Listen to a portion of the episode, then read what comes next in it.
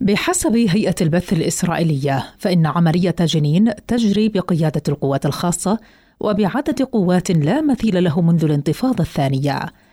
قالت وسائل إعلام الاحتلال إن العملية العسكرية في جنين تنفذها قوات من وحدات النخبة في الجيش الإسرائيلي وهي الكبرى منذ عملية ما تسمى بالسور الواقي عام 2002 مبينة أن نحو ألف جندي يشاركون في العملية بينهم المستعربون وسلاح الجو والمدفعية. وأوضحت أن رئيس الوزراء الإسرائيلي بنيامين نتنياهو والوزير يؤاف جالنت وقيادة الجيش وافقوا على العملية قبل عشرة أيام مشيرة إلى أنه يتوقع أن تستمر ليومين لكن التبعات قد تمتد لجبهات أخرى. وسائل الإعلام الإسرائيلية تفيد بأن الجيش نشر بطاريات القبة الحديدية تحسبا لأي قصف صاروخي ردا على عملية جنين.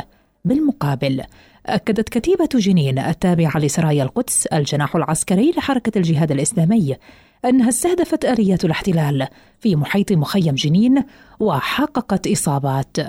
وأعلنت كتيبة جنين أن مقاتليها في أفضل حالاتهم وأن ما شاهده العدو هو شيء يسير مما ينتظره بحسب بيانها. وبالتزامن قالت مجموعات قباطي التابعة أيضا لسرايا القدس أن مقاتليها استهدفوا اليات الاحتلال على دوار الشهداء بجنين.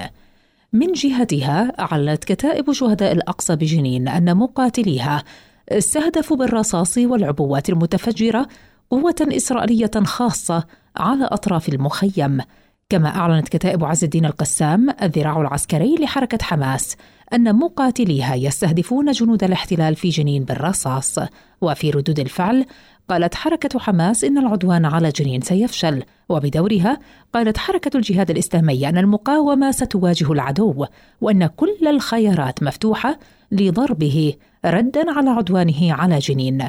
أما حركة فتح فقالت إنها وكل الفصائل الفلسطينية ستواجه العدوان على جنين وستفشله.